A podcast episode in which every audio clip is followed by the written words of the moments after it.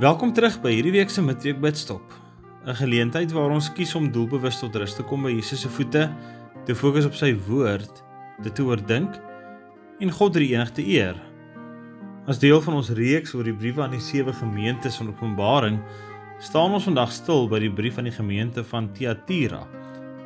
God die enig is nou daar waar jy ook al mag wees by jou teenwoordig. I danced in the morning when the world was begun. And I danced in the moon and the stars and the sun.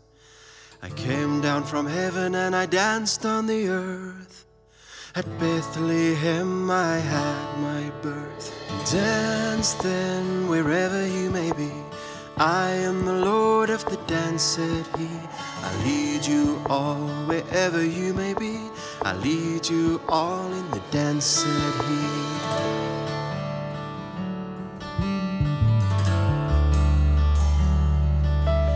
I danced for the scribe and the Pharisee, but they would not dance and they wouldn't follow me. I danced for the fishermen, for James and John.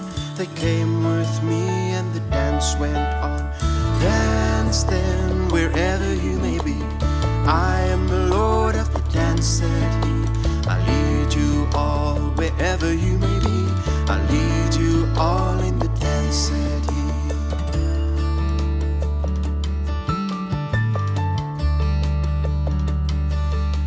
I danced on the Sabbath and I cured the lame.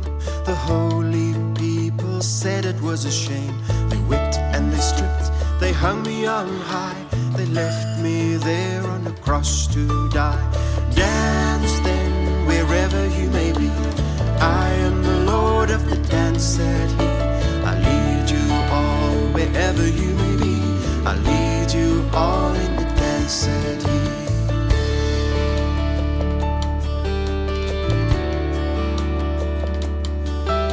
I danced on the Friday and the sky turned black. It's hard to dance with the devil on your back. They buried my body and they thought I'd gone. But I am the Lord and I still go on. Wherever you may be. I am the Lord of the dance, he. I lead you all wherever you may be. I lead you all in the dance, he.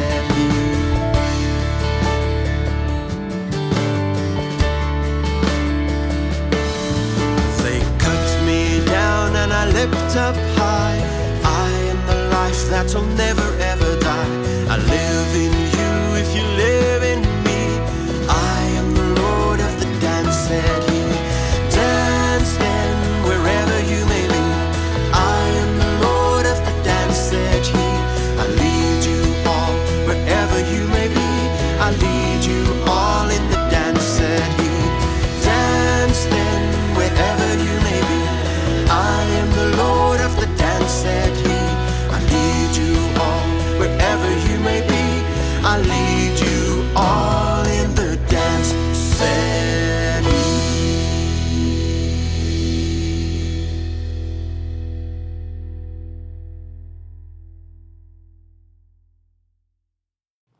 Ons lees uit Openbaring 2 vers 18 tot 29. Skrywe ook aan die boodskapper van die gemeente in Thyatira. Dit sê die seun van God wat oë het soos 'n vlammende vuur en voete soos gloeiende koper. Ek ken jou dade en liefde en geloof en diens en volharding en weet dat jou latere dade die eerstes oortref. Maar ek hou dit teen jou dat jy die vrou Isebel net laat begaan. Sy wat haarself 'n profetes noem en my diensknegte leer en verlei om te horeer en om afgodsoffers te eet. Ek het haar tyd gegee om tot bekering te kom, maar sy weier om haar te bekeer van haar hoerery. Kyk, ek werp haar op 'n siekbed en ook hulle wat met haar egbreek gepleeg het in groot verdrukking as hulle hulle nie van haar praktyke bekeer nie. En haar kinders sal ek met die dood tref. Laat al die gemeentes daarvan kennis neem dat dit ek is wat niere en harte deurgrond. Ek sal elkeen van julle beloon volgens julle dade. Maar vir julle ander in Thyatira wat nie hierdie leer aanhang nie en wat nie dieper dinge van Satan soos hulle dit noem leer ken het nie, sê ek: Ek lê nie op julle 'n ander las nie, behalwe net om vas te hou aan wat julle het totdat ek kom. Want wie oorwin en eintlik vashou aan wat ek sê, sal ek mag gee oor die nasies. Hy sal hulle as 'n herder lei met 'n eysterstaf en hulle soos kleipotte stukkend slaan. Soos ek dit van my Vader ontvang het, sal ek aan hom ook die môrester gee. Laat die wat ore het luister na wat die Gees aan die gemeente sê.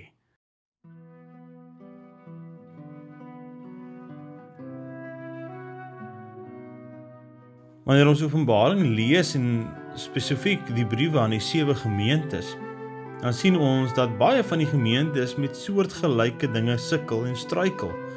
En dieselfde geld met die gemeente in Thyatira. Hulle het sogenaamde vrotappels in hulle gemeenskap geduld. Mense het gesondig, maar die gemeenskap het hulle nie uitgespreek teenoor hierdie mense en hulle sondes nie. Die gevolg is dat mense verlei is om verder te sondig. Hulle wat egter nie hierdie mense gevolg het nie, Vir hulle sê Jesus eenvoudig: Ek lê op julle geen ander verpligting nie. Hou net vas aan wat julle het totdat ek kom. Vir hulle wat gesondig het, daar is nog tyd. Bekeer jou, anders kom die oordeel. Is daar iemand in jou vriendekring of jou geloofsgemeenskap wat jou dalk aangemoedig het of dalk selfs nou aanmoedig om iets te doen wat jy weet verkeerd is in God se oë?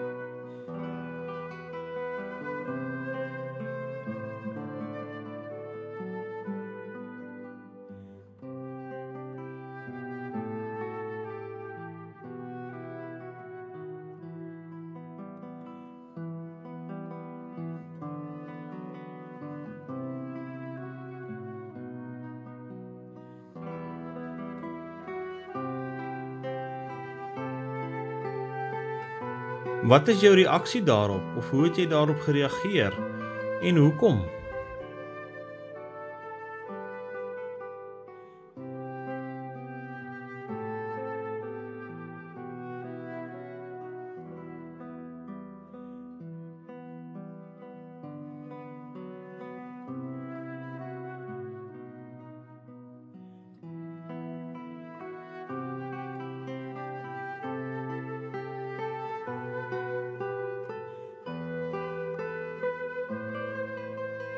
Gesels met Jesus oor hierdie geleenthede en mense.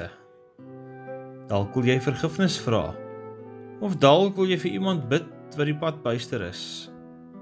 Ongeag, nader nou tot Jesus met die wete dat hy met deernis na jou luister.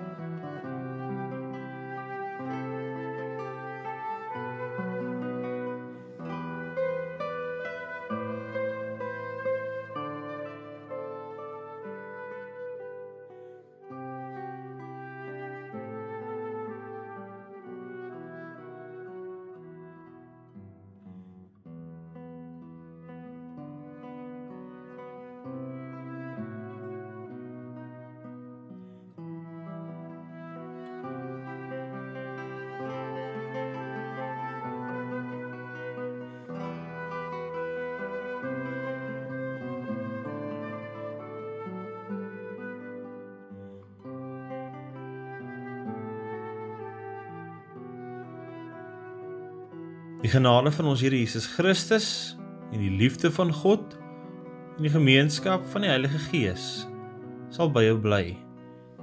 Nou tot in alle ewigheid. Amen.